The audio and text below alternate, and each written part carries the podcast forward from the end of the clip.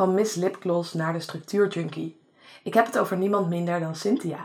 Ze is op jonge leeftijd gaan ondernemen en weet als geen ander wat de valkuilen hiervan zijn. Deze hebben er bij haar toe geleid dat ze zelfs burn-out raakte. In deze podcast hadden we het over haar grootste successen en fuck-ups en wat jij natuurlijk van haar kan leren. Hoe geef jij je grenzen aan? Hoe maak je een planning? En misschien nog wel belangrijker, hoe houd jij je ook aan deze planning? En hoe ga je om met zaken als uitstelgedrag? In het hele interview zat ik op het puntje van mijn stoel en ik weet ook zeker dat jij enorm veel waarde en inspiratie gaat halen uit deze podcast. Dus luister snel mee. Ja, en ik ben ook heel benieuwd naar, naar jouw verhaal. Want het, uh, de structuurjunkie, de, hè, zoals jij nu, uh, het bedrijf wat je nu hebt staan, dat heb je niet altijd al gedaan, toch? Nee, klopt. Ik ben daar uh, even denken, in 2018 verscheen mijn eerste structuurjunkie boek. daar is het echt mee begonnen. En daar zijn we dus in 2017 mee begonnen met het maken. Eigenlijk is het zo begonnen dat ik bij mijn uitgever kwam, die dus nu mijn planners uitbrengt met het idee voor een eigen lijn met notitieboeken en allemaal papierdingen, planners. En dat wilde ik graag doen. Um, dat wilde ik eigenlijk ook al heel lang. Ik ben uh, nu tien jaar ondernemer en eigenlijk altijd al in dat ondernemerschap zat ik daarover na te denken. Maar um, ja, weet je, om dat zelf te doen, dat is best wel, nou ja, dat weet je zelf ook, dat is best wel ingewikkeld en het kost veel geld. En toen dacht ik, ik wil dat samen met een uitgever doen. Uh, dus toen heb ik contact opgenomen met Blossom Books. En Blossom Books die geeft nu dus ook mijn planners nog steeds uit. En zij zeiden toen van ja, weet je, op zich is het wel een heel leuk idee om notitieboeken en zo uit te brengen, maar bestaat al heel veel. Dus er zijn al heel veel notitieboeken en planners. En weet je, ja, wat voor verschil ga je dan maken? Uh, en toen zeiden zij van ja, maar jij bent toch supergoed in alles wat met structuur en productiviteit te maken heeft. Kunnen we daar niet een, een soort werkboek van gaan maken? Dus zijn we gaan brainstormen en toen kwam het idee voor werkboek voor een structuurjunkie in SPE. Die is niet meer te koop, maar dat was een soort ja, eigenlijk wat ik nu mensen leer in mijn trainingen, dat was dan in een boek met allemaal opdrachten en van daaruit was het heel logisch om planners te gaan maken, omdat ik in dat boek echt wel honderd keer aanhaal hoe belangrijk het is om een planner te gebruiken. Dus we hebben toen in april 2018 de eerste planners uitgebracht en het was meteen een mega succes. En daar zijn we dus mee doorgegaan. Uh, daarbij ben ik toen masterclasses gaan geven. Dus echt op locatie. Dan huurde ik een zaaltje, verkocht ik tickets. En ja, dat ging supergoed, was superleuk. Maar ik merkte ook dat het uh, heel arbeidsintensief was. En dat ik er eigenlijk onderaan de streep heel weinig aan overhield. Want die locaties waren best wel duur en de catering is duur. En toen dacht ik, ja, waarom doe ik het niet online? Want ik, ik, ik heb al uh, inmiddels sinds, ik zit hard op te denken, sinds 2006 blog ik al. Dus ik, um, ik ben heel erg gewend om dingen online te doen. En toen dacht ik, waarom doe ik die trainingen niet online? Dus toen ben ik begonnen met het maken van een eigen academie en een online omgeving waar ik trainingen, trainingen kon gaan geven. Ben ik begonnen met een training op Instagram. Want ik dacht, weet je, dat is een makkelijke, laagdrempelige manier voor mezelf, maar ook voor de deelnemers. Dat heb ik twee keer gedaan. En nu doe ik alles gewoon in mijn eigen online structuurjunkie academie.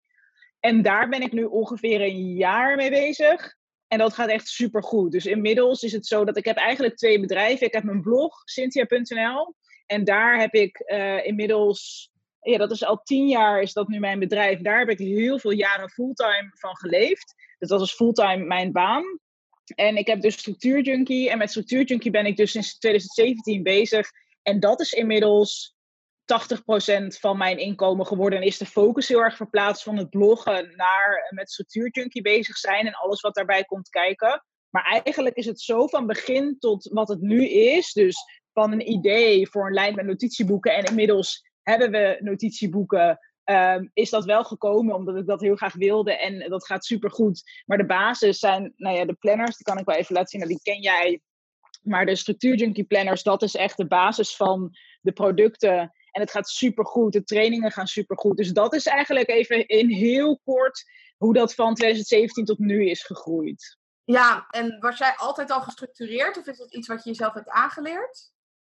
Ja, ik ben van nature wel echt zo. Ik ben echt dat meisje dat op de basisschool al een agendaatje had waar dan de afspraakjes met vriendinnetjes in gingen. En ja, ik vond het altijd al heel leuk. En ik weet nog heel goed dat elk jaar zeker op de middelbare school, toen je echt een agenda moest gebruiken, dan keek ik altijd al uit naar het moment dat er nieuwe agenda's in de winkels lagen. En dan kocht ik, voordat we op zomervakantie gingen, kocht ik een nieuwe agenda. En dan ging ik tijdens de zomervakantie die agenda helemaal invullen en opvrolijken met stickers. En nou, daar kon ik dan uren zoet mee zijn.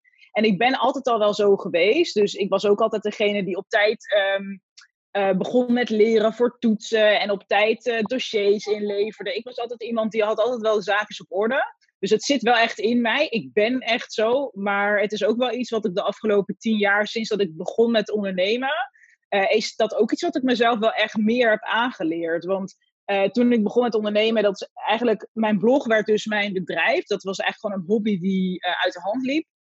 En daarin moest ik heel erg gaan zoeken naar hoe werk ik nou goed voor mezelf. Dus ik werkte vanuit huis, ik werk nog steeds vanuit huis. En daarin gingen echt heel veel dingen in het begin helemaal mis. Uh, ik heb ook een burn-out gehad in, volgens mij is dat zeven jaar geleden inmiddels. Dus dat is uh, in, ja, dat is, toen was ik 23, 23. En vanaf dat moment dacht ik wel echt, oké, nu moet ik echt dingen anders gaan doen. En echt gaan kijken, hoe ga ik nou zorgen dat ik uh, werk privé beter verdeeld, dat ik genoeg tijd voor mezelf heb. Hoe werk ik productief? Hoe werk ik gefocust? Hoe geef ik mijn grenzen aan? Dus het zit wel in mij, maar ik heb mezelf ook wel echt heel veel moeten aanleren en heel veel ja, kennis moeten gaan opzoeken van hoe fix ik dit nou? En dat komt eigenlijk doordat ik het gewoon in het begin heel vaak fout heb gedaan. En wat waren die valkuilen waar je eerst in trapte? Nou, eigenlijk dat in het begin van het ondernemerschap, en dat is uh, aan de ene kant uh, heel leuk, Um, maar aan de andere kant is het ook een hele grote valkuil geweest. Is dat ik alles leuk vond en alles deed. Dus ik zei ook alles ja. Dus alle kansen die op mijn pad kwamen, die greep ik aan. Uh, maar ja, ik was heel jong. Toen ik 19 was, begon ik met het ondernemerschap. En alles wat er voorbij kwam, dat vond ik leuk. En alles wilde ik proberen.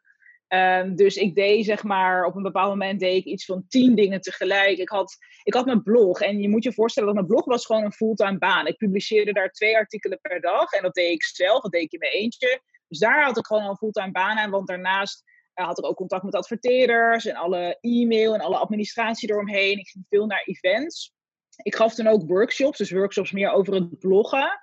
Uh, ik had een webwinkel samen met een e-commerce bureau. Uh, de mijn blog heette Miss Liplos trouwens. Uh, het was een beautyblog. Ik had een webwinkel samen met een, met een e-commerce partner. Ik schreef een boek. Ik had een pagina in de Cosmo Girl. Ik was expert bij Koffietijd. Ik had een eigen programma op TLC. nou, en dan vergeet ik altijd nog vijf dingen. En dat had ik toen ook. Als ik dan mensen vertelde van wat, wat doe je allemaal, dan vergat ik altijd de helft ik deed gewoon zoveel tegelijk met zoveel verschillende mensen. Ja, daar werd ik gewoon helemaal gek van. En met de meeste dingen verdiende ik niet eens geld. Dus de meeste dingen, dat was gewoon vooral heel erg leuk om te doen. Maar ja, als je zoveel tegelijk doet, dan is eigenlijk niks meer leuk. Dus dat was het grootste. En eigenlijk dat ik gewoon geen focus had. Nou, dat is eigenlijk dit probleem, ook al wat ik net vertelde, maar ook gewoon in mijn dag. Weet je, er was zoveel wat op me afkwam dat ik vond het heel moeilijk om daar een bepaalde focus in aan te brengen. Dus toen werkte ik wel met takenlijsten. Ik werkte nog niet met een planner zoals hoe ik nu werk. Echt die methode heb ik echt door de jaren heen ontwikkeld. Maar ik had wel een takenlijst, maar er kwam van alles tussendoor. En ik werkte in totaal denk ik wel met 40, 50 man samen, omdat ik voor alle dingen die ik deed, werkte ik samen met een groep van mensen. Dus voor de webshop had ik een, een, een, team. Ik had voor mijn boek werkte ik met een uitgever samen. Voor mijn blog werkte ik met een sales team. Dus het waren bij elkaar heel veel mensen. En die wilden ook de hele tijd van alles van mij. Dus ik liep me daar ook heel erg door beïnvloeden. En ja, ik was dus eigenlijk altijd zeg maar, half met het ene bezig en half met het ander, constant afgeleid. En ja, daar werd ik. Dat is uiteindelijk wel wat me genekt heeft toen ik die burn-out kreeg. Dat ik gewoon ik, er was gewoon nergens een moment dat ik even kon zeggen: Oké, nu heb ik de grip. Nu heb ik uh, de touwtjes in handen. En dat was wat eigenlijk het moeilijkste was. En dat is ook wat ik nu altijd aan andere mensen leer: dat moment dat je het gevoel hebt dat je de grip hebt, dat jij de touwtjes in handen hebt, geeft het ook een heleboel rust. En nou, die rust had ik toen echt niet. En dat waren wel de twee, de twee grootste valkuilen die ik toen had. Ja, en je zei dat uiteindelijk leidde dat tot een burn-out. Was dat dat je je bed niet meer uitkwam? Of eh, hoe zag die burn-out er voor jou uit? Ja, dat was eigenlijk. Eigenlijk gebeurde dat op het moment dat mijn boek verscheen. Ik schreef een boek toen over beauty. Die heette ook Beauty. En dat was iets uh, wat sowieso heel veel werk was geweest. Wat wel heel leuk was om te doen. Maar je kan je dus voorstellen dat ik dat deed naast de honderd dingen die ik al deed. En ik trok ook alles naar me toe. Dus um, ik schreef het boek natuurlijk zelf. Maar er moest ook een fotoshoot komen. Want er moesten allemaal beelden van mij in dat boek, maar er moesten ook beelden van bijvoorbeeld potjes, potjes producten. En Weet je, wordt een smeer van een dagcreme. Zie je allemaal van die mooie beelden. Dat had ik allemaal naar mezelf toegetrokken. Dus ik deed het allemaal zelf. Dus ook de fotoshoot, dat regelde ik zelf. Ik regelde zelf een team. Ik regelde een stylist. Ik regelde een fysicist. Ik regelde alles. Het hele team regelde ik zelf. Ik regelde zelf de fotograaf. Uh, toen was er de lancering, dus het feestje, zeg maar. Dat regelde ik ook allemaal zelf. Stond zelf die dag nog tasjes in te pakken. Ik deed alles zelf, omdat ik dacht, als ik het zelf doe, dan weet ik zeker dat het goed gebeurt. Ik kon dus helemaal niks loslaten. En de lancering was geweest en het was eigenlijk helemaal niet zo heel leuk, want ik zat al, zeg maar, soort van zo over mijn grenzen heen. En toen was die lancering en het was mega druk en iedereen wilde wat van me. Logisch, want het was een boeklancering. Dus ik had heel veel interviews. En mijn vriend en ik die bleven die nacht in dat hotel slapen waar die lancering was in Amsterdam. En ik was echt kapot. Ik kon echt niks meer. Maar we hadden zoiets van, we hadden allebei een dag vrijgenomen dat we de dag erna konden ontspannen. Zo van, oké, we nemen deze dag samen en dan gaan we gewoon lekker door Amsterdam struinen. En dat was echt even wat ik nodig had. Natuurlijk was dat lang niet genoeg, maar dat was wel wat we hadden gepland. En die dag werd ik gebeld door mijn uitgever dat er. Dat Radio 1 had een interesse in een interview, maar dan moest ik wel naar de studio in Hilversum komen, die dag. Dus toen had ik aangegeven meteen van ja, ik trek het eigenlijk niet. Uh, ik, wil, ik heb echt vandaag nodig om even op te laden. En eigenlijk kwam het er toen op neer dat ik geen keus had, uh, dat ik dat moest gaan doen. En dat heeft me toen echt, ik, toen, toen ben ik echt gebroken. En uiteindelijk later die dag bleek dat, dat die, toen ging die, um, na een redactievergadering ging, die, uh, ging het interview helemaal niet meer door. Dus uiteindelijk was het heel veel gedoe om niks. Maar dat was wel een moment dat ik dacht, nu, nu kan ik kan gewoon niet meer. En dat was ook wel, zeg maar, toen we weer thuis kwamen, gewoon alles kostte moeite. Dus alles was ineens heel moeilijk. Gewoon het idee alleen dat ik mijn inbox moest openen of dat ik naar de supermarkt moest gewoon, ik kon er gewoon niet meer over nadenken. En ook als ik een keuze moest maken, ook al was het iets heel simpels, wat wil je eten? Ik kon er gewoon, het ging er gewoon niet meer eh, in mijn hoofd bij in. En het was gewoon vooral dat ik gewoon het idee had dat het nooit meer zou stoppen of zo. Dat het werk, het was er altijd geweest in de jaren dat ik ondernemer was. En ik had gewoon het gevoel dat het nooit meer zou ophouden. En dat, dat was wel wat overheerste toen ik voor het eerst, ja, voor echt die eerste momenten van die burn-out. Ja, je zei, ik had het idee dat ik die controle had, want ik mocht die keuzes maken, maar eigenlijk had het meer controle over jou. Ja, ja, nee, absoluut. Ja, op dat moment wel. Ja, ik zei, daarna ben ik dingen anders gaan doen. Wat ben je toen anders gaan doen? Nou, sowieso heb ik op het moment zelf natuurlijk, toen ik, toen ik er in zat, alles uit mijn agenda gehaald. En uh, toen, ik weer, uh, toen het weer beter ging, dus toen ik weer langzaamaan echt ging werken, toen heb ik wel heel erg gerealiseerd van ik wil alleen nog maar dingen doen waar ik heel erg blij van word. Dus die ik echt leuk vind. Dus ik heb heel veel ruis heb ik verwijderd. En ik ben ook niet heel lang daarna ben ik gestopt met beautybloggen. Um, omdat het toch wel veel meer ging nadenken van wat wil ik nu eigenlijk echt? Wat vind ik nu echt leuk? En voor mijn gevoel, dat was eigenlijk daarvoor, voordat ik, voordat ik die keuze maakte, had ik het gevoel dat ik een beetje vast zat in die beautyblog. In dat hele soort van ja, set van regels die ik zelf had bedacht. En tot ik dus eigenlijk ontdekte dat ik het allemaal zelf mag bedenken. En dat ik zelf mag beslissen wat ik doe en hoe mijn bedrijf eruit ziet. Dus toen heb ik op het moment besloten dat ik uh, wilde stoppen met beautybloggen. Toen ben ik ook heel erg gaan nadenken van wat wil ik dan echt? Weet je, wat vind ik dan echt leuk? Wat wil ik wel? Ik ben toen dus wel uh, doorgegaan met bloggen, maar onder mijn eigen naam. Dus ik heb nog steeds een blog, cynthia.nl. Ik heb het toen helemaal omgegooid was natuurlijk heel spannend, want op dat moment was dat mijn fulltime inkomen. Dat was gewoon mijn bedrijf. Dat was wat ik deed. Uh, dus het was maar afwachten of de bezoekers zouden blijven, of de adverteerders zouden blijven. Maar dat ging gelukkig heel goed. En ook op het moment dat ik mijn blog lanceerde, maar toen was dat het enige wat ik deed. Dus ik had al die tijd, had ik al die dingen erbij gedaan. En toen ik mijn nieuwe blog lanceerde, was dat het enige. En ik heb mezelf toen ook even de ruimte gegeven van oké, dit is nu het enige wat ik doe vanuit hier ga kijken wat ik nou, wat ik echt wil, welke kant ik echt op wil. Wil ik voor altijd gewoon blijven bloggen? Prima. Wil ik iets anders doen? Ook prima.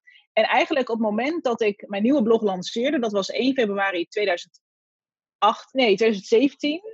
Uh, toen heb ik ook in die maand bij mijn uitgever gezeten voor dat idee waar de structuurjunkie uit ontstond. Dus eigenlijk omdat ik mezelf die ruimte gaf van oké, je gaat nu gewoon even alleen bloggen en je gaat alleen bloggen en verder hoef je even helemaal niks.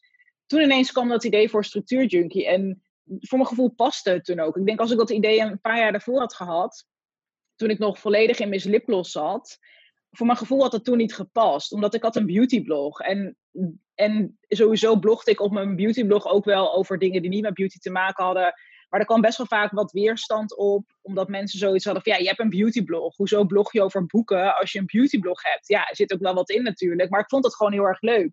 Dus toen ik alles had omgegooid naar Cynthia.nl, toen was er ineens ruimte om letterlijk alles te doen wat mij maar leuk leek. Weet je, of dat nou een restaurant beginnen is, of nou ja, structuurjunkie, wat het dus geworden is.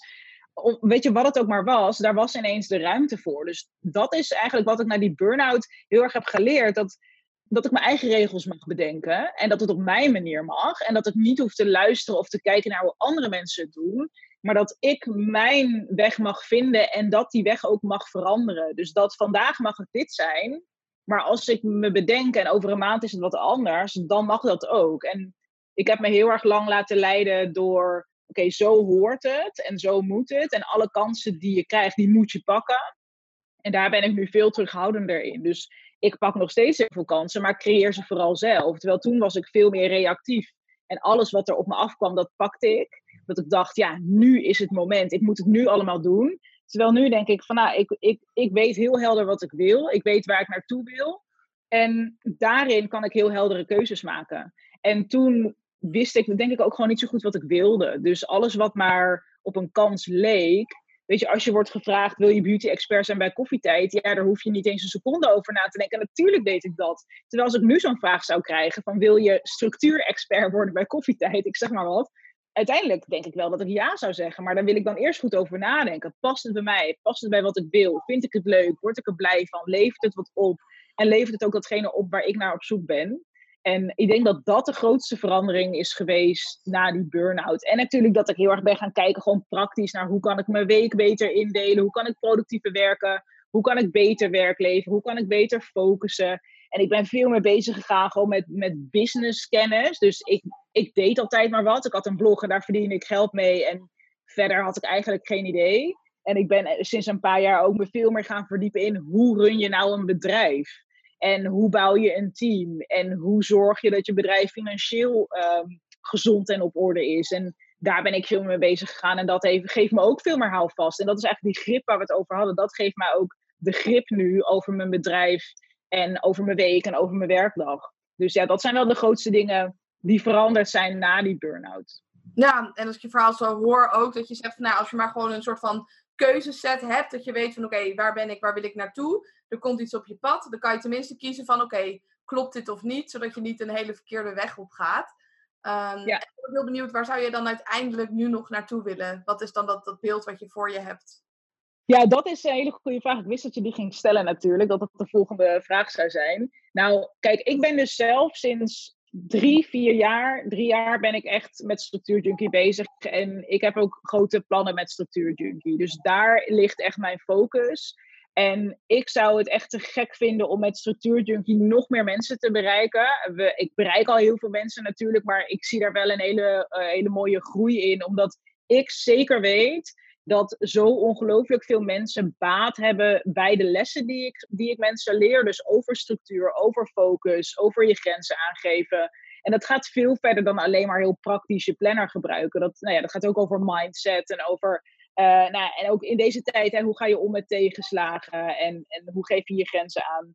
En daar heb ik natuurlijk wel ideeën bij, bij hoe ik dat nog veel groter kan maken. Dat mijn Structuur Junkie Academie nog veel meer mensen bereikt.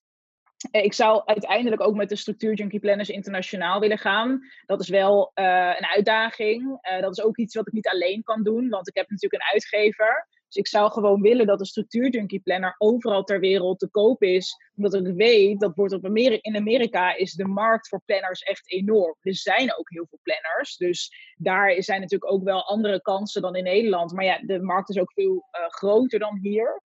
Uh, en wat ik uiteindelijk zou willen is, als je nu naar mijn academie gaat, uh, er staan nu, moet ik even hardop denken, vier trainingen in. En ik zou uiteindelijk gewoon willen dat daar een heel mooi pakket aan trainingen staat. Laagdrempelige trainingen, maar ook wat uh, meer high-end trainingen. Eigenlijk dat voor ieder wat wils. Dat als je wat zoekt over hoe moet ik plannen, hoe moet ik structuur aanbrengen, dat je het allemaal bij mij kan vinden. En om met experts samen te werken. Dus Uh, bijvoorbeeld dat een, een psycholoog een gastles geeft, dat een financieel expert een gastles geeft. Daar wil ik uiteindelijk naartoe.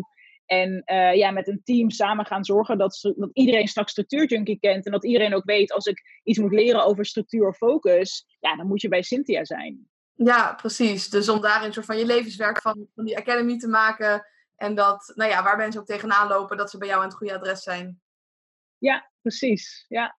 Ja, en je zegt ook, hè, die structuur, dat het heeft eigenlijk twee componenten. Eén is dat maken van die planning. En twee is het houden aan die planning. En wanneer merkte jij eigenlijk dat, dat jij die gift had wat niet zo vanzelfsprekend was? Dat, dat mensen dat lastig vinden?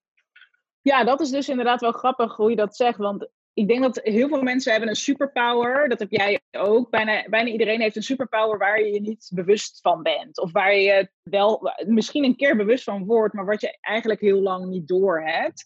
En dat was voor mij dus eigenlijk het moment dat ik met mijn uitgever zat met dat idee voor die notitieboekjes en die stationary lijn. Ik deelde op mijn blog en op mijn Instagram toen al uh, mijn planningen en uh, hoe, hoe ik werk en productiviteitstips. En mijn volgers die, die weten ook dat ik heel stipt ben. Dus als ik uh, bijvoorbeeld uh, als je kijkt naar mijn blogplanning, er zijn heel veel bloggers, daar is niets te nadelen van hun, maar dat is een manier hoe je het kan doen, die gewoon een beetje publiceren wanneer het hun uitkomt. Dat is natuurlijk prima. Maar ik heb altijd met een blogplanning gewerkt. Dat, uh, in de tijd van Miss Lipgloss blogde, publiceerde ik elke dag om zes uur en om drie uur een blog. Elke dag. Weet je, dat was gewoon nooit anders. Ik vond dat belangrijk. En mensen die wisten van mij dat ik op die manier werkte. En maar voor mij was dat normaal. Weet je, ik wist eigenlijk niet beter. En voor mij was dat iets wat ook voor mij belangrijk was, maar wel wat ik gewoon altijd deed. Toen zat ik dus met Blossom Books voor die stationary lijn. En zij begonnen daarover, want zij volgden mij ook al een hele tijd. We volgden elkaar al een tijd op Instagram en zij volgden mijn blog. En toen zeiden zij van ja, maar jij bent toch super goed in planning en structuur en productiviteit. En toen zat ik daar en toen zei ik, ja, dat, ja, dat is wel, ja, dat is zo. Maar ik had ook niet echt heel erg dus door dat dat echt mijn superpower was. En toen zijn we daar een beetje over gaan brainstormen. En toen ontdekte ik inderdaad van oké, maar dit is dus blijkbaar iets wat niet iedereen kan en wat niet iedereen weet. En toen ik dat werkboek ging maken, dat kwam ook zo natuurlijk. Gewoon al die informatie die zat gewoon in mijn hoofd. Toen ging ik dus masterclasses geven. En toen merkte ik dus voor hoeveel mensen dit een issue is. En dat kwam echt door die masterclasses. Ik heb er een stuk of 15 gegeven, denk ik, in anderhalf jaar tijd. Dan ging ik elke, uh, elke maand, of bijna elke maand, gaf ik ergens anders in het land een training. En als ik dan keek wat voor vragen er kwamen, toen ontdekte ik wel van wow, er zijn dus heel veel mensen die hier hulp bij nodig hebben. Maar ook uh, dat ik na een aantal weken of maanden nog weer een keer een mailtje van iemand kreeg met hey, ik heb jouw masterclass gevolgd en het heeft voor mij echt mijn leven veranderd. En er zijn zoveel dingen duidelijker en ik kan nu een planning maken en ik kan me eraan houden en ik ben productiever en ik ben meer gefocust.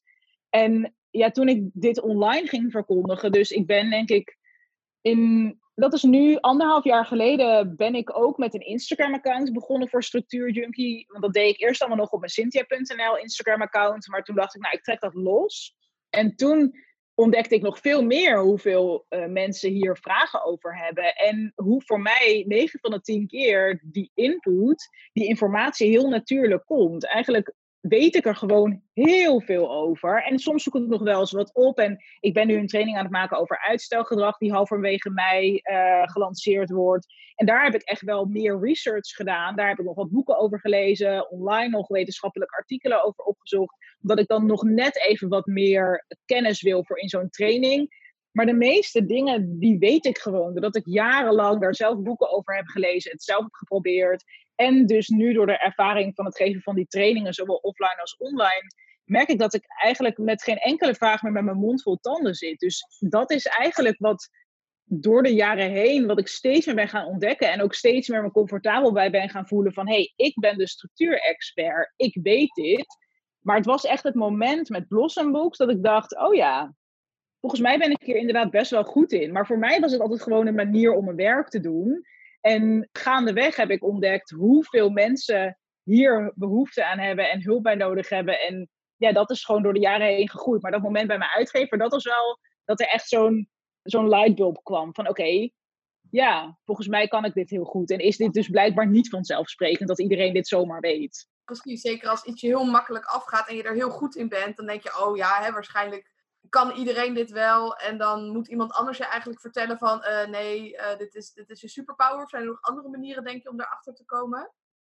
Nou ja, inderdaad, ook wel door er gewoon zelf heel goed over na te denken. Van waar ben ik nou eigenlijk heel goed in? Want er zijn ook wel mensen die bijvoorbeeld heel goed kunnen koken. En die dan de meest bijzondere dingen in de keuken maken. En die dan zeggen, ja joh, maar dit is super simpel. Nou ja, uh, ik kan dat niet hoor. Dus er zijn gewoon, heel veel mensen hebben zoiets waar ze super goed in zijn.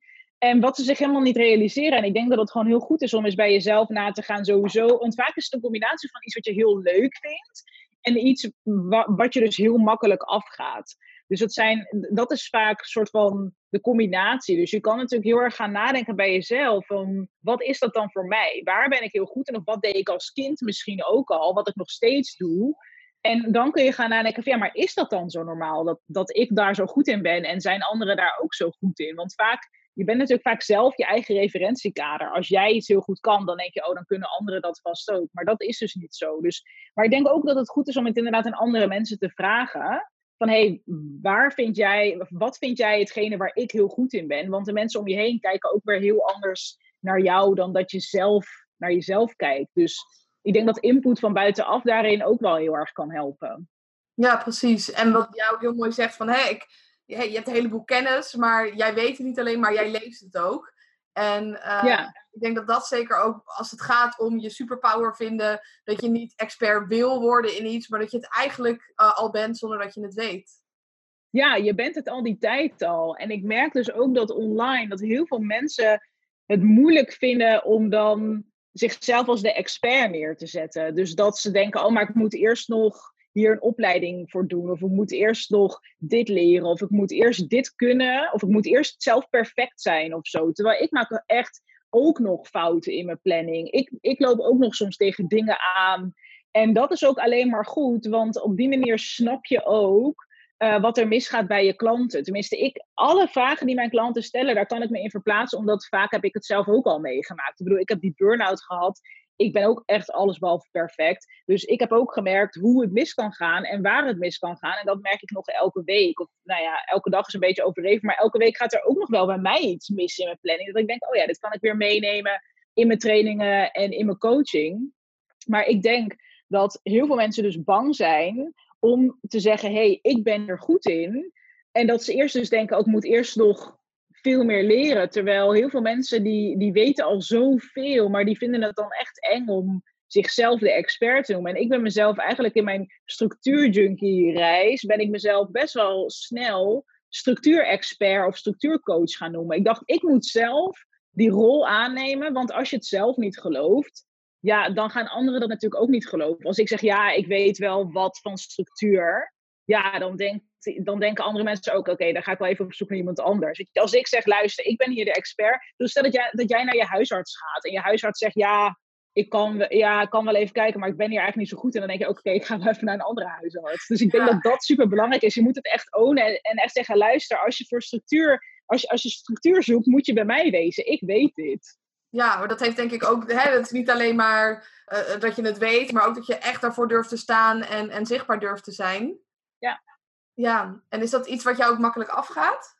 Nou, op zich wel. Ehm, maar dat is niet altijd zo geweest. Dus ik heb zelf, kijk, ik heb in mijn carrière twee rollen gehad. En dat was vroeger was dat beauty expert. Dus ik was, toen ik mijn beautyblog had, toen ik Miss Liplos deed, was ik beauty expert. En ik vond het best wel spannend om eigenlijk de switch te maken van beauty expert naar structuur expert of structuurcoach. En uh, die overgang, dat vond ik wel even lastig. Vooral omdat ik een beetje bang was dat mensen zouden zeggen: hè, gisteren was je beauty expert en nu ben je ineens structuurcoach. Huh? Maar niemand heeft dat tegen mij gezegd. En ik denk dat dat komt omdat, wat jij net ook al zei, ik leefde dat al. Ik was dat al die tijd al. En daardoor is het ook zo logisch dat als toen ik blogde, zagen mijn lezers al dat ik zo gestructureerd was. En dat ik uh, wist hoe je productief kon werken en hoe je kon focussen. Ik bedoel, het zou wel gek zijn als ik ineens zou zeggen: Oké, ik ben nu ineens chef-kok of zo. Want dat is helemaal niet waar ik goed in ben. Ik bedoel, ik kan wel, ik kan wat lekkers maken, maar ik ben zeker geen chef-kok. En ik ben geen voedselexpert of zo. Maar die structuurexpert was ik eigenlijk al die tijd al. Dus ik vond dat in het begin dus wel lastig. Dat ik dacht, wat zullen mensen denken? Maar toen heb ik ook, en heb ik ook wel een coaching gehad. En mijn coach zei toen ook van ja, mensen gaan dingen denken. Weet je, wat maakt het nou uit? Jij, jij bent dit, jij kan dit, jij mag dit gaan verkondigen, want dit is gewoon hoe het is. En als mensen dat dan stom vinden, ja, dan laat je ze dat toch lekker stom vinden. Dat maakt ook helemaal niks uit voor jou. Dus dat, dat is het enige wat ik lastig vond. En ik heb er ook, dus ik heb er ook letterlijk nooit rare reacties op gehad. En als ik dat wel had gehad, ja, weet je, ja, maakt dan eigenlijk ook niet uit. Precies, en dat zijn waarschijnlijk ook niet de mensen die jij kan helpen op, in de fase waar zij dan in zitten. Nee, precies. Weet je, dat zijn dan toch niet mijn klanten. Dus dan, kijk, dat zijn misschien wel de mensen die me volgen op cynthia.nl. Maar ja, die hebben wel vaker wat te zeiken. Dus ja, prima. Weet je, er is altijd wel iemand die wat te zeiken heeft. Nou ja, en dat is oké. weet je, dat, dat hoort erbij. En iedereen mag daarin uh, zijn mening hebben. Maar ik mag daarin ook doen wat voor mij het beste is. Ja, en wat ik je ook hoor zeggen, hè, je, je, je start als expert, maar jij mag ook nog fouten maken. Het gaat nog mis in de structuur, waar heel veel andere experts denken van, oh, ik mag pas mezelf uh, expert noemen als ik 100% alles goed doe en dan pas kan ik andere mensen helpen. Uh, is dat ook een verschil wat je zelf merkt? Nou ja, dat is inderdaad wel iets, maar dat had ik als beauty-expert had ik dat ook al. Ik ben eigenlijk nog steeds beauty-expert, want ik weet er nog steeds heel veel vanaf, maar ik, ik verkondig het zelf niet meer op die manier ja, toen had ik ook nog wel dat ik dingen fout deed. Of als ik dan een beautyfilmpje maakte. Weet je, als je me opzoekt op YouTube, dan vind je echt van uh, tien jaar lang allemaal oude beautyfilmpjes. Ik deed daar heus ook wel dingen verkeerd in. Ik bedoel, uh, en ik ging ook wel slapen met make-up op.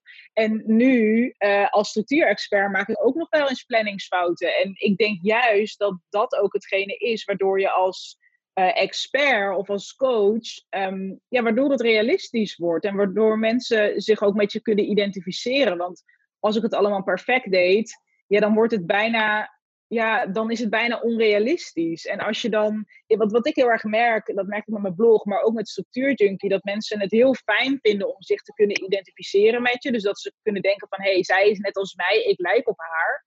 En als ik dan de hele dag ga verkondigen hoe perfect ik het doe, ja, dan verlies je denk ik wel die connectie. En natuurlijk vertel ik heel vaak hoe ik het heel goed doe en hoe ik heel goed plan, want ik ben daar heel goed in. Maar juist doordat het soms fout gaat en dat ik soms tegen dingen aanloop, ook in het verleden, maar nu nog steeds, ontdek ik juist dat ik mensen daardoor veel beter kan helpen.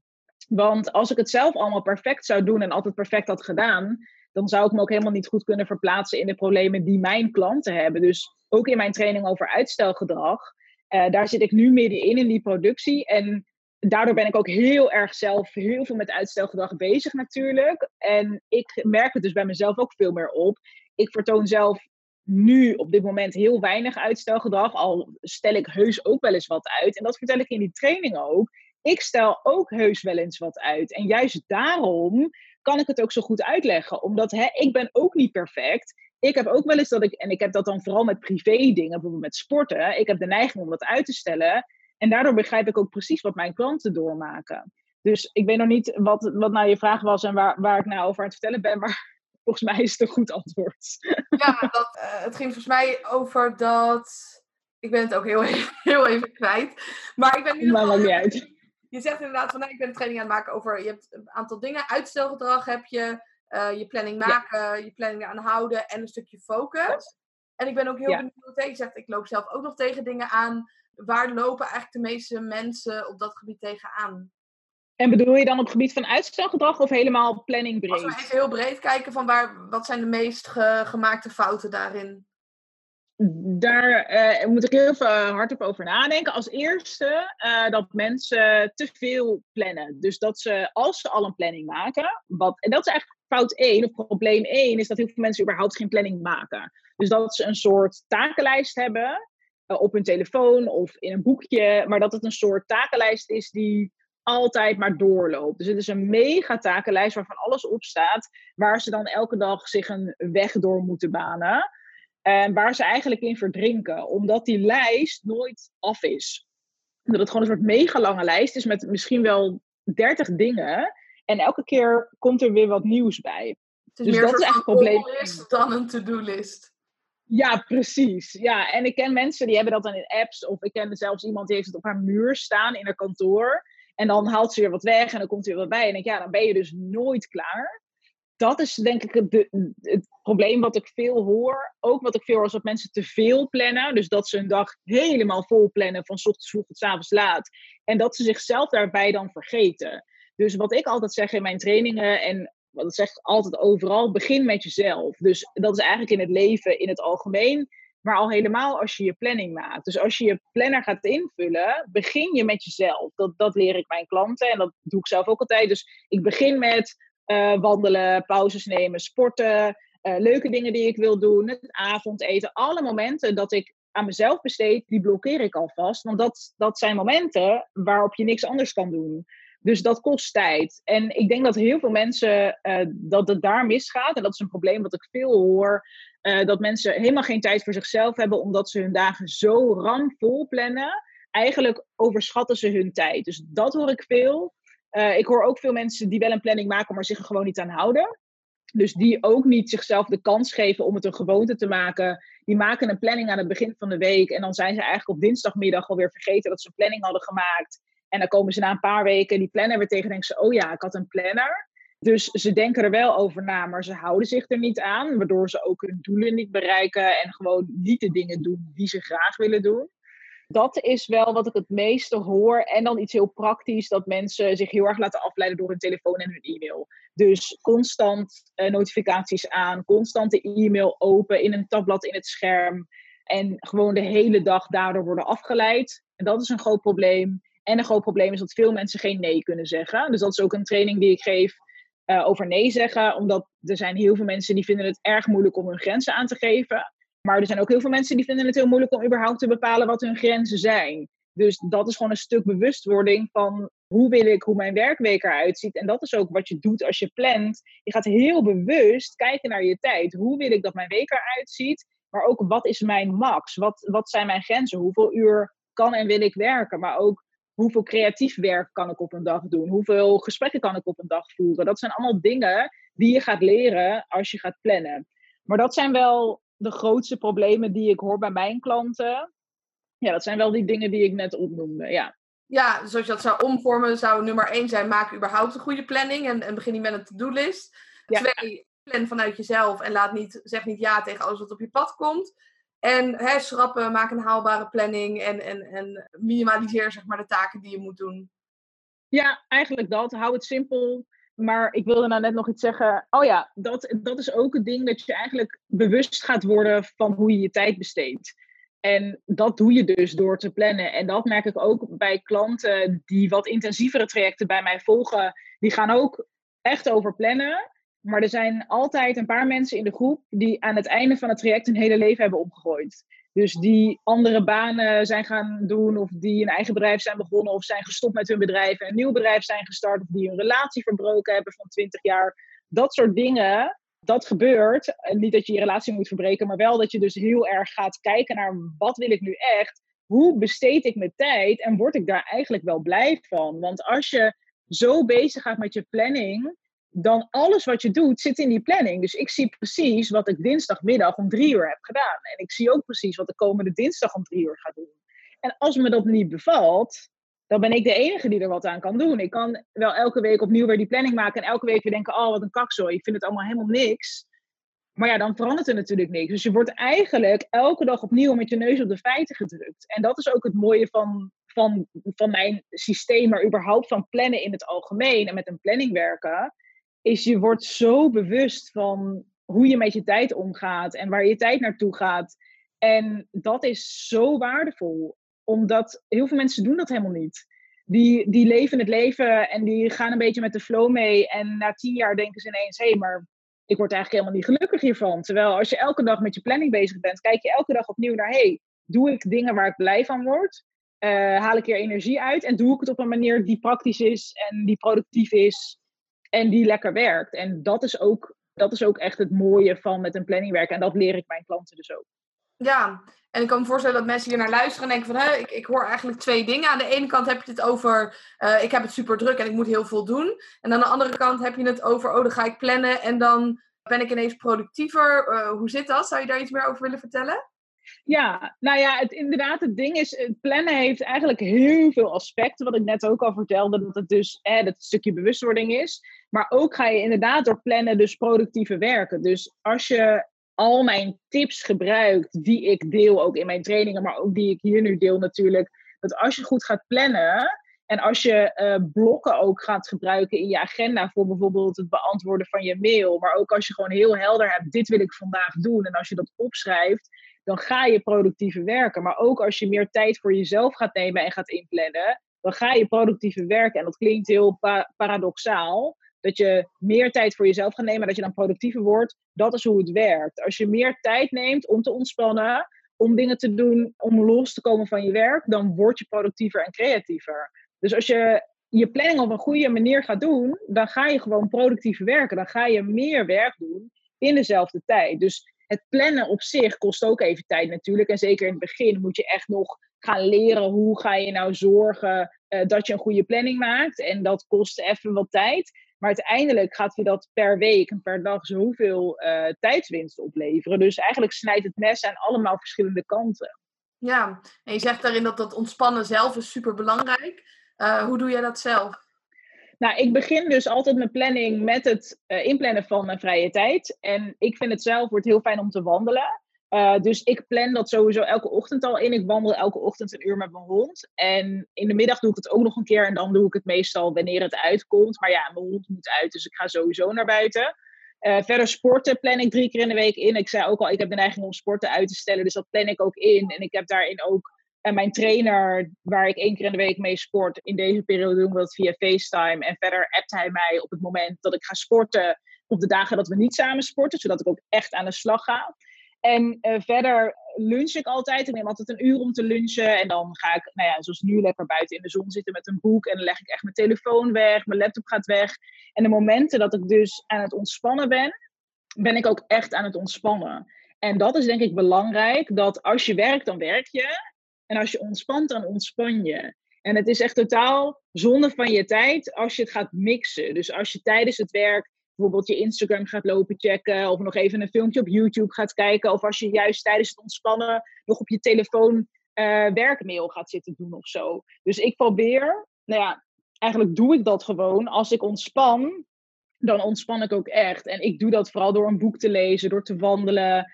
Uh, uit eten gaan, dat kan nu niet. Maar dat vind ik normaal heel leuk om te doen. Ik plan ook altijd vakanties ver van tevoren in. Omdat ik ook daarin geloof dat het super belangrijk is dat je regelmatig even weg bent. En even aan een, ja, dat je meerdere aaneengesloten dagen helemaal vrij bent. En dat je niet met werk bezig hoeft.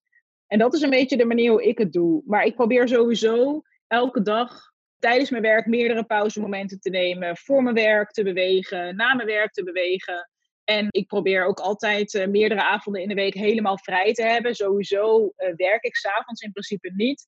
Uh, maar als ik bijvoorbeeld avond heb dat ik met vrienden afspreek, probeer ik altijd een aantal avonden voor mezelf te houden. Maar dat is puur omdat ik het heel fijn vind om alleen te zijn en lekker een boek te lezen of te koken of te wandelen. Ja, ik hou gewoon heel erg van tijd in mijn eentje doorbrengen. Maar ja, dat is een beetje hoe het er voor mij uitziet. Ik ga ook regelmatig alleen op vakantie. Nou ja, nu dus even niet, maar dat doe ik normaal ook wel één of twee keer per jaar. En, um, ja. toch? Ik zie al een poster ja. op de achtergrond. Ja, hier achter mij, ja. Ja, Terschelling is echt mijn, uh, mijn favoriete plek op de wereld zo'n beetje. Daar ga ik meerdere keren per jaar naartoe.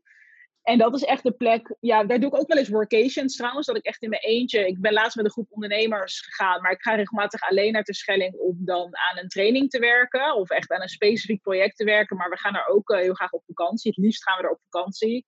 En daar gewoon de rust en ja, de natuur daar is gewoon fantastisch. En het is relatief dichtbij. Weet je, je hoeft niet uh, twaalf uur in het vliegtuig te zitten of zo.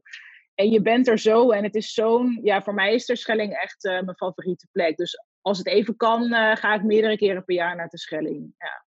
Ja, je zegt ook, daar maak ik mijn trainingen. Helpt dat dan ook om even weg te gaan en dan daar te zijn en daar productief te werken? Ja, daar had ik het toevallig met mijn vriend afgelopen week over. Want ik ben nu dus in de productie voor mijn uitstelgedragtraining. En dat maak ik nu thuis. Maar normaal doe ik dat dus nooit thuis. Normaal als ik een nieuwe training ga, ga ik altijd uh, ergens anders heen. Mijn hond is buiten aan het blaffen. Ga ik altijd even, dan huur ik een huisje. En ik ga het liefst dan dus naar Terschelling. Maar ik heb ook wel eens in het huis uh, van mijn schoonouders in Groningen gezeten. Die ook in de natuur wonen. En voor mij werkt dat fantastisch. Dan heb ik gewoon één of twee weken die ik volledig wijd aan het maken van een nieuwe training. En dan heb ik verder geen afleiding, geen afspraken. Dan doe ik verder niks anders dan alleen dat. En voor mij werkt dat supergoed. Nu kan het dus even niet vanwege het coronavirus. Dus op dit moment uh, heb ik dat gewoon thuis gedaan. Maar ja, eigenlijk door deze hele crisis heb ik verder ook geen afleiding. Dus ik heb wel wat afspraken digitaal, maar ik hoef nergens naartoe. Ik merk ook dat het in een mail veel rustiger is. Het is qua werk eh, niet veel rustiger, maar alles eromheen wel.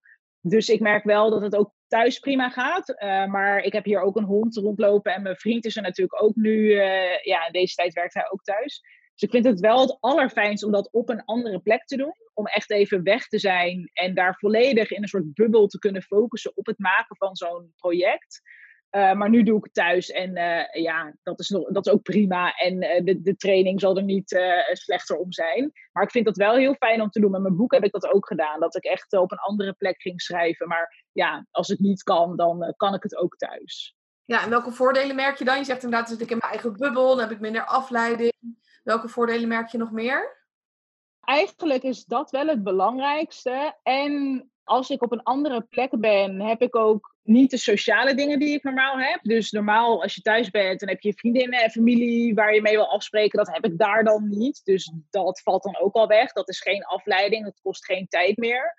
En doordat ik op een andere plek ben, en vooral als ik op Terschelling ben, maar ik, ben dan het liefst in de natuur, dan kan ik gewoon goed opladen of zo. Dus als ik dan de natuur inloop, kan ik mijn hoofd makkelijk leegmaken. Ik kan beter focussen.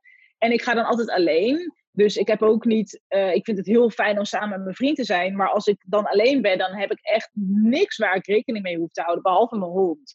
Dus, uh, maar dat is alleen maar goed, want met haar ga ik dan lekker naar buiten. Dus als ik dan s'avonds om half negen denk, ja joh, ik ga lekker naar bed, ik ben moe en dan kan ik morgenochtend weer vroeg knallen, dan doe ik dat gewoon. En als ik de hele week uh, alleen maar thuis daar in het huisje wil zitten en eten wil laten bezorgen, ik zeg maar wat, dan kan dat. Ik kan dan precies doen waar ik zelf zin in heb.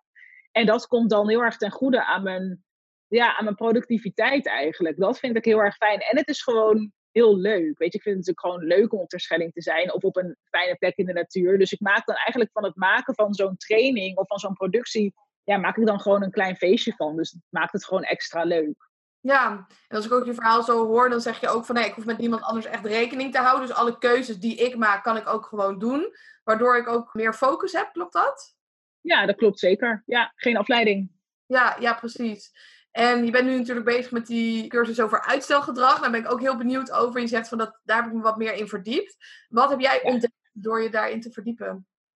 Oh, echt heel veel. Dat uitstelgedrag, eigenlijk het grootste, wat, wat mijn grootste ontdekking was tijdens die research, was dat was eigenlijk twee dingen. Als eerste waarom we uitstelgedrag vertonen. En dat, uh, dat we uitstelgedrag vertonen omdat we ons nu meteen goed willen voelen. Dus uitstelgedrag is eigenlijk, het, beloont je eigenlijk meteen. Dus stel, uh, je moet iets doen waar je tegenop ziet. In mijn geval zou dat sporten zijn. Dus ik zie daar tegenop en de hele dag loop ik al een beetje tegen dat sporten aan te hikken. Ik heb geen zin. Het wordt moeilijk, het wordt zwaar, het gaat pijn doen. En dan is het zover en dan besluit ik, nee, ik ga het toch niet doen. Ik ga het uitstellen naar morgen of naar overmorgen en eh, ik ga het niet nu doen.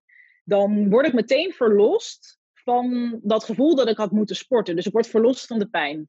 Dus dat is meteen een gevoel van opluchting. En dat is dus meteen een beloning voor dat gedrag. En daardoor blijven we uitstelgedrag constant vertonen, omdat het meteen beloont. En uh, wat ik ook heb geleerd, en nou, ik heb heel veel geleerd, maar wat voor mij ook een eye-opener was, waren eigenlijk alle oorzaken voor uitstelgedrag. En er zijn heel veel onderliggende dingen waarom we uitstelgedrag vertonen. En wat ik een van de uh, opvallendste vond, was dat uh, uitstelgedrag um, zorgt eigenlijk, dus vooral voor mensen die faalangst hebben, zorgt eigenlijk voor dat je een smoesje hebt. Dus op het moment dat je, uh, dat je gewoon je best doet en dat je gewoon ja, je planning houdt, dat je niet uitstelt en je levert iets aan, je, je levert een prestatie, dan als je dan wordt aangesproken op je prestatie, bijvoorbeeld je hebt een fout gemaakt, dan de enige die daarvoor uh, de schuldig is, dat ben je zelf. Dan heb je zelf een fout gemaakt en dat doet pijn. Terwijl als je uitstelgedrag vertoont en je blijft wordt uitstellen tot het allerlaatste moment en je moet in de laatste drie dagen voordat je het moet opleveren, moet je die prestatie leveren. En als je dan fouten maakt, dan kun je zeggen, ja, maar ik had maar heel weinig tijd.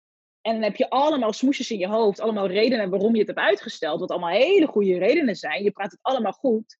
En vervolgens kun je dus zeggen, ja, maar ja, het is inderdaad niet zo heel goed. Maar ja, dat kan omdat ik maar heel weinig tijd had. Dus het is eigenlijk een soort beschermingsmechanisme voor je faalangst. En zo zijn er nog heel veel andere dingen die ik dus ook allemaal in de training behandel. Maar dit waren voor mij wel twee hele grote, opmerkelijke dingen waarvan ik dacht, wow, ik had er eigenlijk nooit echt zo bij stilgestaan dat het op die manier werkte. Ja, en hoe verander je zoiets? Als je uitstelt, dan zou je kunnen zeggen, ja, dan stop je daar toch gewoon mee. Maar ik denk dat dat een beetje kort door de bocht is. Ja. ja, nee, dat is zeker kort door de bocht. Want als het zo makkelijk zou zijn, dan zouden we natuurlijk uh, allemaal geen uitstelgedrag vertonen. Ja, er zijn eigenlijk heel veel manieren om te stoppen met uitstelgedrag. Er zijn zeg maar hele simpele kleine trucjes tot uh, ook wat ik in de training behandel, is bijvoorbeeld een, hele, uh, een heel stappenplan om bijvoorbeeld aan een groot project te werken. Uh, maar eigenlijk is de eerste stap, en dat is mindset, en dat is dat je jezelf moet vergeven. Dus heel veel mensen die veel uitstelgedrag vertonen, die voelen zich heel schuldig. Die zijn eigenlijk heel boos op zichzelf. En elke keer weer opnieuw. Dus elke keer weer dat ze uitstelgedrag vertonen, zijn ze boos op zichzelf. Voelen ze zich schuldig? Krijgen ze daar stress van? En eigenlijk is de allereerste stap jezelf vergeven. En jezelf vergeven voor al het uitstelgedrag dat je ooit vertoond hebt, maar ook het uitstelgedrag dat je nu vertoont. Want als je jezelf gaat slaan en als je jezelf constant aan het martelen bent, ja, dat gaat niet helpen. Weet je, dat gaat niet helpen uh, naar je oplossing toe. Dus dat is eigenlijk het allereerste. En verder zijn er heel veel praktische dingen die je kan doen om uh, te stoppen met uitstelgedrag. Ik kan er maar eentje uitlichten en dat is eigenlijk een hele uh, praktische, die voor heel veel mensen ook heel goed werkt. En ik noem die DERK. Dat staat voor Doe Eerst Rotklus.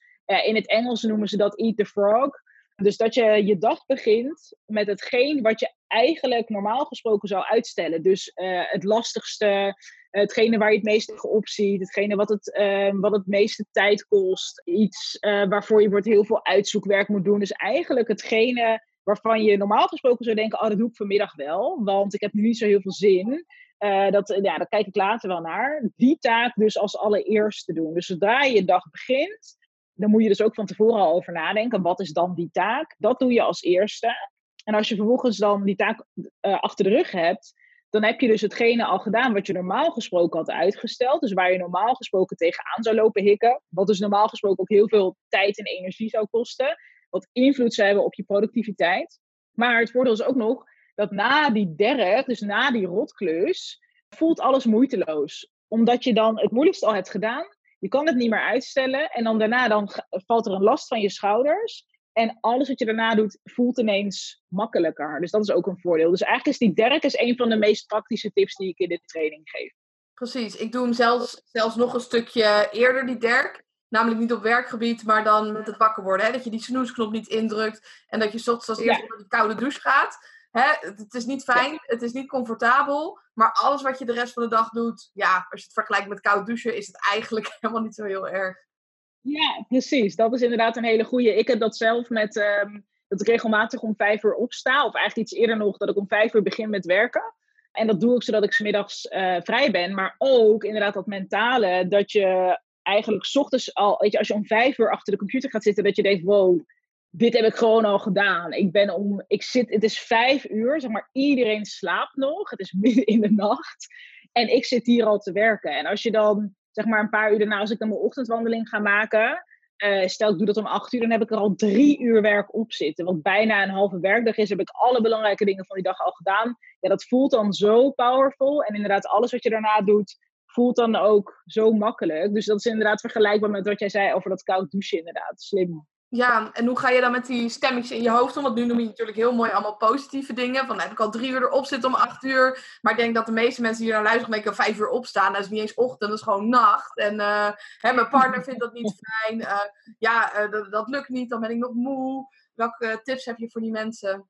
Ja, hele goede inderdaad. Nou, kijk, wat ik daarvoor tips voor heb, is dat sowieso als je iets, iets wil bereiken, moet je daar bepaalde stappen voor zetten. En ik denk altijd, moment dat vijf uur opstaan, zeg ik altijd tegen mezelf, als ik om vijf uur begin, betekent dat dat ik na de lunch, dat mijn werkdag erop zit. Dan heb ik de hele middag vrij. Dus ik probeer daar ook aan te denken. Dus vooral denken aan het resultaat. Eh, maar ook, wat kun je doen dan om dat om kwart voor vijf of half vijf opstaan makkelijker te maken? Want op zich, als je even heel logisch gaat nadenken, is het heel, het is gewoon het verplaatsen van de, het moment dat je slaapt. Dus je gaat eerder slapen. Dus ik ga, ik zorg dat ik om acht uur ongeveer mijn avond afrond, mijn dag afrond, en dat ik naar bed ga, dat ik half negen, negen uur echt slaap. Ehm, en inderdaad, de, het bezwaar wat ik het meeste krijg is, ja, maar dat is toch niet gezellig? Ik heb, ja, maar ik heb dan met me, weet je, ik heb een, ik heb een partner, die, dat is toch niet leuk? Of kinderen. En dan denk ik, ja, maar het is ook niet dat ik dit altijd doe. Weet je, ik heb bijvoorbeeld, ik doe dit soms als challenge. Dan ga ik ook met mijn volgers samen uh, vijf uur challenge doen. Ik denk altijd, ja, als je het een week doet, weet je, een week is natuurlijk helemaal oké. want als je een week elkaar s'avonds niet ziet, ja, dat, eh, dat overleef je wel. En ik denk ook altijd, kijk, ik ga zelf normaal gesproken ook, nou ja, ik begin heel vaak om zes uur met werken. En dan ga ik ook om negen uur ga ik naar boven. En dan slaap ik rond, nou, half tien, tien uur meestal. En ik hoor dat best wel vaak van mensen van, ja, maar dat is toch ongezellig. En maar dan denk ik, ja, maar we zien elkaar tijdens het eten. En nu, hè, met deze hele crisis zien we elkaar veel meer, want we zijn allebei de hele dag thuis. En dan denk ik, ja, maar dit is mijn ritme. En we zien elkaar genoeg. En in de momenten dat we elkaar zien, dan hebben we echt quality time. Omdat we weten dat dat dan ook op het moment is dat we echt samen zijn, want ik ga alweer vroeg naar bed. Dus ja, inderdaad zijn al die stemmetjes er. Maar je kan ook bedenken, wat is het wat ik moet doen om verder te komen? Wat wil ik bereiken? Uh, en ook, wat zijn de redenen dat ik dit graag wil doen? Want waarom, je krijgt wel vaker, waarom zou je in godsnaam om vijf uur beginnen? Nou, dat kan ik natuurlijk allemaal wel uitleggen, maar dat kun je ook voor jezelf bedenken. Maar dat kan ook bijvoorbeeld zijn dat jij koud wil douchen. Jeetje, hoezo zou je koud willen douchen? Nou, als je daar goede redenen voor hebt en je kan het goed voor jezelf bedenken. En op het moment dat dat stemmetje dan opkomt, ik hoor dat veel van mensen die ook, zeg maar, ook als ze niet om vijf uur opstaan, maar ook als ze gewoon om zeven uur willen opstaan of om acht uur, als dan de wekker gaat, dan gaan ze snoezen. Zo van ja, maar ik blijf nog heel even liggen. En dat is natuurlijk al dat stemmetje in je hoofd. En ik probeer heel vaak gewoon al dat stemmetje in mijn hoofd überhaupt niet de kans te geven. Dus als ik al het opmerk van hé, hey, oh wacht, het gebeurt, gewoon kappen. Meteen afkappen. Eigenlijk net als hoe je een vervelende discussie zou afkappen, maar dan een discussie met jezelf. En het is heel belangrijk je bewust te zijn van het gesprek wat je met jezelf voert. En ook heel snel het de kop in te drukken. Je kan het ook even observeren natuurlijk, maar het risico van het observeren is dat je eigenlijk meegaat in dat gesprek. En je wil eigenlijk niet meegaan in dat gesprek wat je in je hoofd voert. Je wil het opmerken en dan denken: hé, hey, nee, dit is allemaal onzin. Ik zet mijn wekker uit en ik, ga, en ik ga eruit. En je weet, als je eenmaal over die drempel heen bent, is met koud douchen ook. Het is ook met als je vroeg opstaat, als je eenmaal naast je bed staat, weet je, dan ben je eruit. En dan wordt het allemaal veel makkelijker. En dan heb je het ook overwonnen. Dus dat is, dat is de manier hoe ik het doe. En ik, ik heb vooral, ik ben best wel goed geworden in gewoon het stemmetje in mijn hoofd gewoon, ja, gewoon uitzetten. Gewoon, oké, ik hoor het. Oké, weg ermee. Gewoon weg en gaan doen wat ik moet doen. En hoe word ik daar goed in? Door het heel vaak te oefenen. En er vooral heel erg bewust van te zijn. Dus bewustzijn, ook met het uitstelgedrag, maar eigenlijk met alles wat, wat moeilijk is, is bewustzijn van dat je smoesjes aan het verzinnen bent voor jezelf. En ook bewustzijn van het risico dat die smoesjes heel, uh, dat het hele goede smoesjes zijn. Weet je, dat je vaak hele goede redenen hebt. Natuurlijk heb je goede redenen om niet koud te douchen. Natuurlijk heb je goede redenen om niet om vijf uur aan het werk te gaan. Maar er zijn ook heel veel goede redenen om het wel te doen. En dus omdat die uh, goede redenen om het niet te doen vaak ook echt heel goed zijn, moet je dat meteen de kop indrukken. Want je weet dat het je niet helpt. Dus voor mij, werkt het, voor mij is het heel goed gewerkt om het op te merken als eerste. Want heel veel mensen zijn zich helemaal niet bewust van die conversatie die ze in hun hoofd hebben. Dus het opmerken en het dan de kop indrukken door ook misschien hardop te zeggen of die stem een naam te geven, dat kan ook. Dat je gewoon zegt, nou Niels kappen nou. En dat je dan gewoon gaat doen wat je moet doen. Dus dat je ook meteen in actie komt. Dus bijvoorbeeld, ik heb dat zelf met het, uh, het uitstellen van sporten. Uh, ik sport zelf wordt op dinsdag, donderdag en op zaterdag. En op donderdag altijd aan het einde van de dag, het einde van de werkdag, dus om half vijf.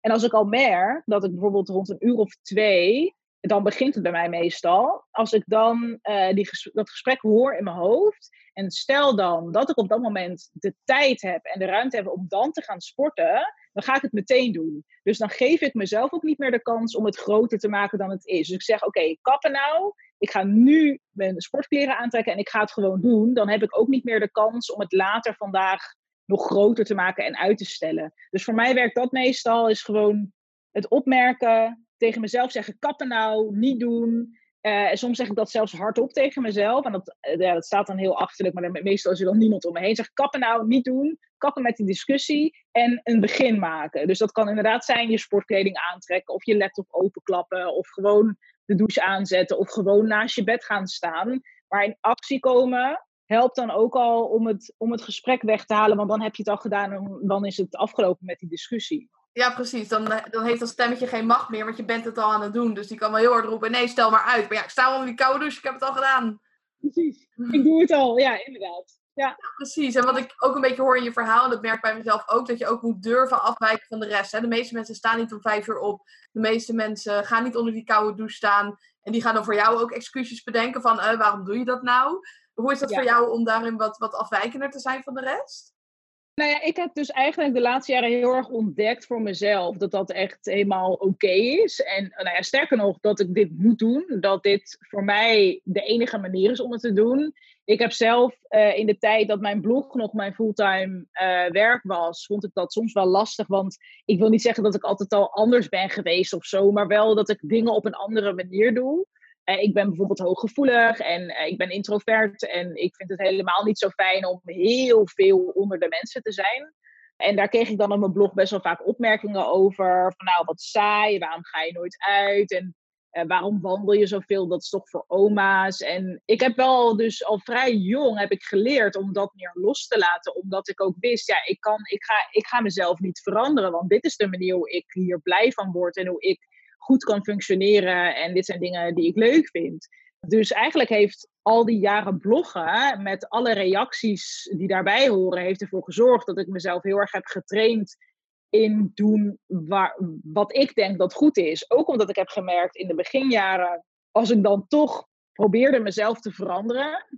Dus dan ging ik toch bijvoorbeeld dingen doen of laten zien die helemaal niet zo bij me pasten dan vond iemand anders het wel weer niet goed. Dus of ik nou A deed, was het niet goed. Als ik B deed, was het niet goed. Als het C deed, was er iemand wel weer boos. Ik, ja, dan kan ik beter doen waar ik zelf blij van word. Want er is altijd wel iemand boos. Er is altijd wel iemand die het niet begrijpt. Dus dat heb ik door de jaren heen wel geleerd. Dat er zijn altijd wel mensen die het stom vinden. Weet je, mensen vinden dingen. Mensen vinden dingen stom. Mensen hebben een mening. Laat ze het lekker hebben. Laat mensen een mening hebben. En ja, weet je, ik doe in de tussentijd iets waar ik blij van word. Uh, ik doe in de tussentijd dingen waar andere mensen blij van worden. En als jij niet begrijpt dat ik om vijf uur start met werken, uh, snap ik op zich ook wel, weet je. Het is ook natuurlijk, het is ook niet de norm. Het is ook niet normaal. Maar dan denk ik, ja, nou ja, voor mij werkt dit. En superleuk als je erin mee wil gaan. En dan wil ik je er ook bij helpen. En dan wil ik je tips geven. Als je er niet in mee wil gaan, helemaal goed. Weet je, dan uh, vind ik dat oké. En als je mij veroordeelt daarom, ja, dat is dan meer jouw probleem. Ja, precies. En dan komen we denk ik weer terug op dat wandelen op je eigen pad. Dat zolang je maar op je eigen pad wandelt, dat het oké is. Maar als je maar doet wat op je pad komt, en dan vinden mensen het ook nog eens niet goed genoeg. Dat dat wel, ja, dat veel vervelender kan zijn. Precies, ja. Want kijk, als je dus probeert te conformeren aan al die meningen van al die mensen, dan, kijk, dan ga je dus al af inderdaad van wat je eigen pad is en wat je zelf wil. Dus dan ga je eigenlijk al dingen doen die niet bij je passen. En vervolgens, als je daar dan kritiek op krijgt, doet dat veel meer pijn. Want je weet natuurlijk diep van binnen echt wel dat dat niet de manier is hoe het voor jou werkt. Maar ik denk dat we ook allemaal wel zo'n fase doorgaan. Dat het ook oké is om dat te merken, want uiteindelijk leer je daarvan. En ik heb ervan geleerd dat wat ik ook doe, er zijn altijd wel mensen die het niet oké vinden. Er zijn altijd wel mensen die het raar vinden, die het stom vinden. En ik heb heel erg gemerkt door het te omarmen. Bijvoorbeeld, dat is wel grappig, dat met het plannen, dus mijn planningen maken, op mijn blog kreeg ik daar heel vaak stomme reacties op. Van nou, hoezo plan jij alles? En hoezo doe je dat zo strak? Dat is wel een beetje autistisch en waar slaat het op? En ik ben het altijd gewoon blijven doen en altijd blijven delen. En nu is het hetgene waar ik zoveel mensen mee help. En uh, ik heb er juist iets van gemaakt. Uh, ja, wat nu, ja, wat ik net ook al zei, wat mijn superpower is. En, en waar ik heel goed in ben. En wat mij helpt. En wat heel veel andere mensen helpt. Terwijl als ik toen had gedacht, ja, oké, ja, dat plannen, dat is, staat misschien wel een beetje krampachtig of zo. Nou, ik stop er maar mee. Ja, dan had ik nooit gehad wat ik nu heb. Ja, ja dus als je superpower hebt, maar je zit eigenlijk in die verkeerde vijver dat je dan ook niet ja, eruit krijgt wat je eigenlijk zou kunnen krijgen. Ja, precies. Want dat merk ik dus heel erg. Dat ik heb dus twee kanalen. Ik heb Cynthia.nl en Structuurjunkie. En als ik dus planner posts op Structuurjunkie doe. Dus dat ik dus letterlijk laat zien, want ook wel even laat zien hoe mijn weekoverzicht eruit ziet. Ik heb dat doet het op Structuurjunkie. Ik heb een scheurkalender hier. Die Oh, cool. Oké. week. Ja, dus eh, Ja, fijn hè? Wat leuk om te zien. Nou ja, ik merk ook dat dus mensen op mijn Structuurjunkie-account dat super tof vinden. Dat zijn de populairste posts. Als ik het op cynthia.nl post, nou, dan snappen mensen dat niet zo heel erg. En dan krijg ik er ook niet zoveel respons op. Dan vinden, het mensen, e- vinden mensen het eerder raar dan tof. Dus dat is ook wel grappig. Dat alles wat ik post over plannen op Structuurjunkie vindt iedereen geweldig. Post ik het op cynthia.nl, dan is het een beetje van... Ja, nou komt zij weer met de planning aan. Dat is wel geinig. ja, en mooi wat je zegt, want in het begin van het gesprek vertelde je van ik vond het zo lastig om keuzes te maken en ik zei altijd maar ja. Maar juist doordat je kiest, dat je dan ook de juiste mensen eigenlijk gaat aantrekken die het ook weer heel tof vinden wat je doet. Ja, exact, zo is het. Ja. Ja, en ik ben ook heel benieuwd als je zo terugkijkt, waar ben jij het meest trots op van de dingen die je hebt gedaan, de dingen die je hebt bereikt? Nou, dat is inderdaad wel eigenlijk waar we het net over hadden. En dat is dat ik altijd ben blijven doen wat voor mij goed voelde en waar ik in geloofde. Dat ik altijd het ben blijven doen op de manier waarvan ik dacht dat het een goede manier was. En daar ben ik natuurlijk ook wel eens mee op mijn bek gegaan. Daar heb ik ook fouten in gemaakt. Maar ik denk wel dat ik daar het meest trots op ben. Dat ik altijd heb gedurfd ook. En ik, ik had natuurlijk na het bloggen heel erg kunnen denken van ja, dit bloggen, ik moet me hierop focussen, want dit gaat goed en ik verdien er geld mee. En ik heb toch gekozen om uh, structuurjunkie te gaan uitbouwen. Wat natuurlijk een risico was en wat heel spannend was en wat zouden mensen denken. Ja, je hebt Maar uiteindelijk is- verbrand, toch? Want je zei ik heb alles bijna losgelaten.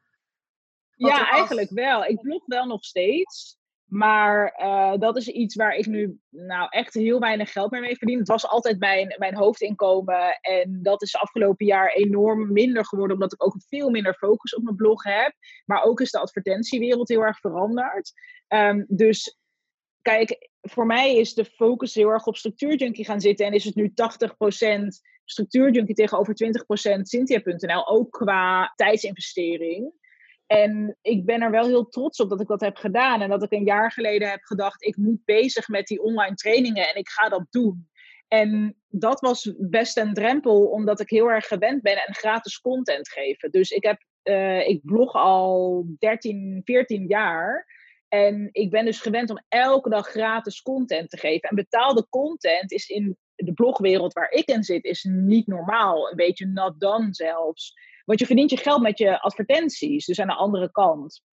En ik heb dus wel de stap gemaakt van het heel erg gewend zijn aan betaalde content geven, naar het maken van online trainingen. En ik had vroeger, vijf jaar geleden, had ik de trainingen die ik nu verkoop, waar ik nu mijn geld mee verdien, wat nu mijn omzet is, die had ik toen gewoon op YouTube gezet, denk ik. Dat ik gewoon een leuke serie gemaakt met hoe kun je plannen. Had ik het op YouTube gezet, had ik er bijna geen reet mee verdiend, want ik verdiende bijna niks met YouTube. En had ik het zo gedaan. En ik heb dus wel die switch gemaakt van, nou ja, gewend aan gratis content geven naar ja, betaalde content maken in de vorm van online trainingen. En, ja, en dus het maken van mijn fysieke trainingen, die ik altijd gaf in de vorm van de Structuur Junkie Masterclasses, vertaald naar iets wat online heel goed werkt. En ik denk dat ik, ja, dat ik daar wel het meest trots op ben. Dat ik daarin ja, mijn eigen pad heb bewandeld en heb gedaan waarin ik zelf de kansen zag. Terwijl mensen om me heen ook zeiden van ja, weet je dat wel zeker? Denk je wel dat het gaat werken? En er zijn er zoveel planners. En dat, ik dan toch, dat het toch gelukt is en dat het zo goed gaat. Ja, daar ben ik eigenlijk wel heel trots op.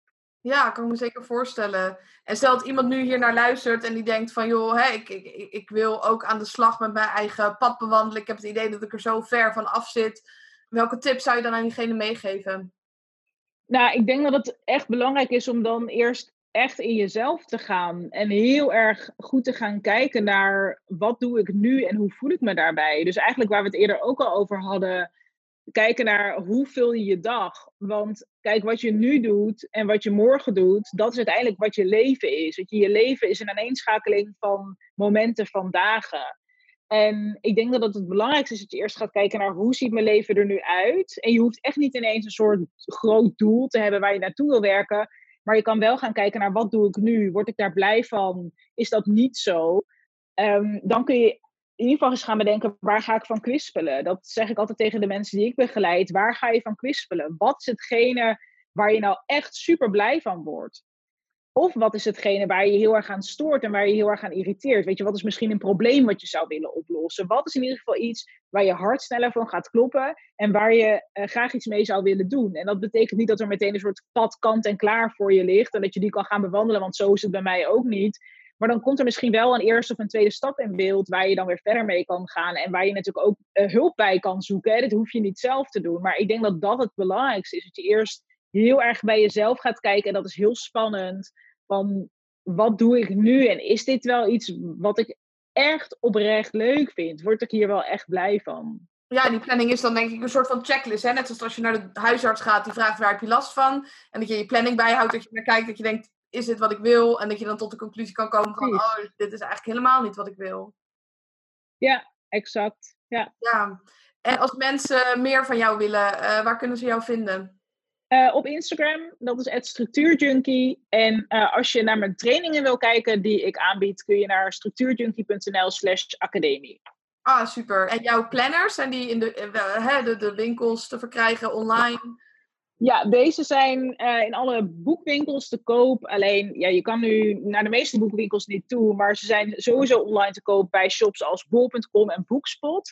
En als boekhandels ze niet hebben, kun je ze altijd bestellen. Dus ze zijn altijd overal uh, verkrijgbaar. Ah, super. Ja, dus als mensen meer willen, dan... Uh, ik, ja, ik gebruik zelf ook jouw planner. Ik gebruik dan bewust een scheurkalender. Ik ben ook nogal perfectionistisch, want ik wil daarna mijn planning niet meer zien als ik erin heb gekrast. Dus dan kan ik elke keer gewoon scheuren en weggooien en dan is het ook goed. Supergoed. Nou ja, en zo is er voor iedereen wel iets wat werkt. Zo is het altijd. Ja, precies. Ja, en ik, ik begreep ook van uh, Jeannette dat je met John ook nog een, een training samen gaat maken. Is dat voor hen, zeg maar, ja, nou, samen? we zijn nu met een uh, challenge bezig. Dus uh, die is niet volgende week, maar die week daarop. Die begint de 20ste.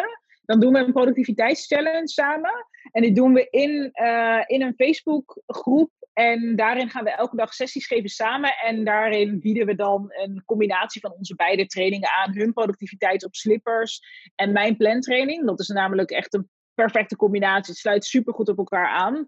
Dus dat gaan we binnenkort inderdaad samen doen over twee weken. Superleuk. Oh, wat leuk. Ja, super. Ja, tof hè? Nou, hartstikke bedankt hiervoor. En als het online komt, zal ik je in ieder geval een, een seintje geven. Leuk, dankjewel. Yes, en fijne dag. Ja, jij ook hè? Fijn weekend.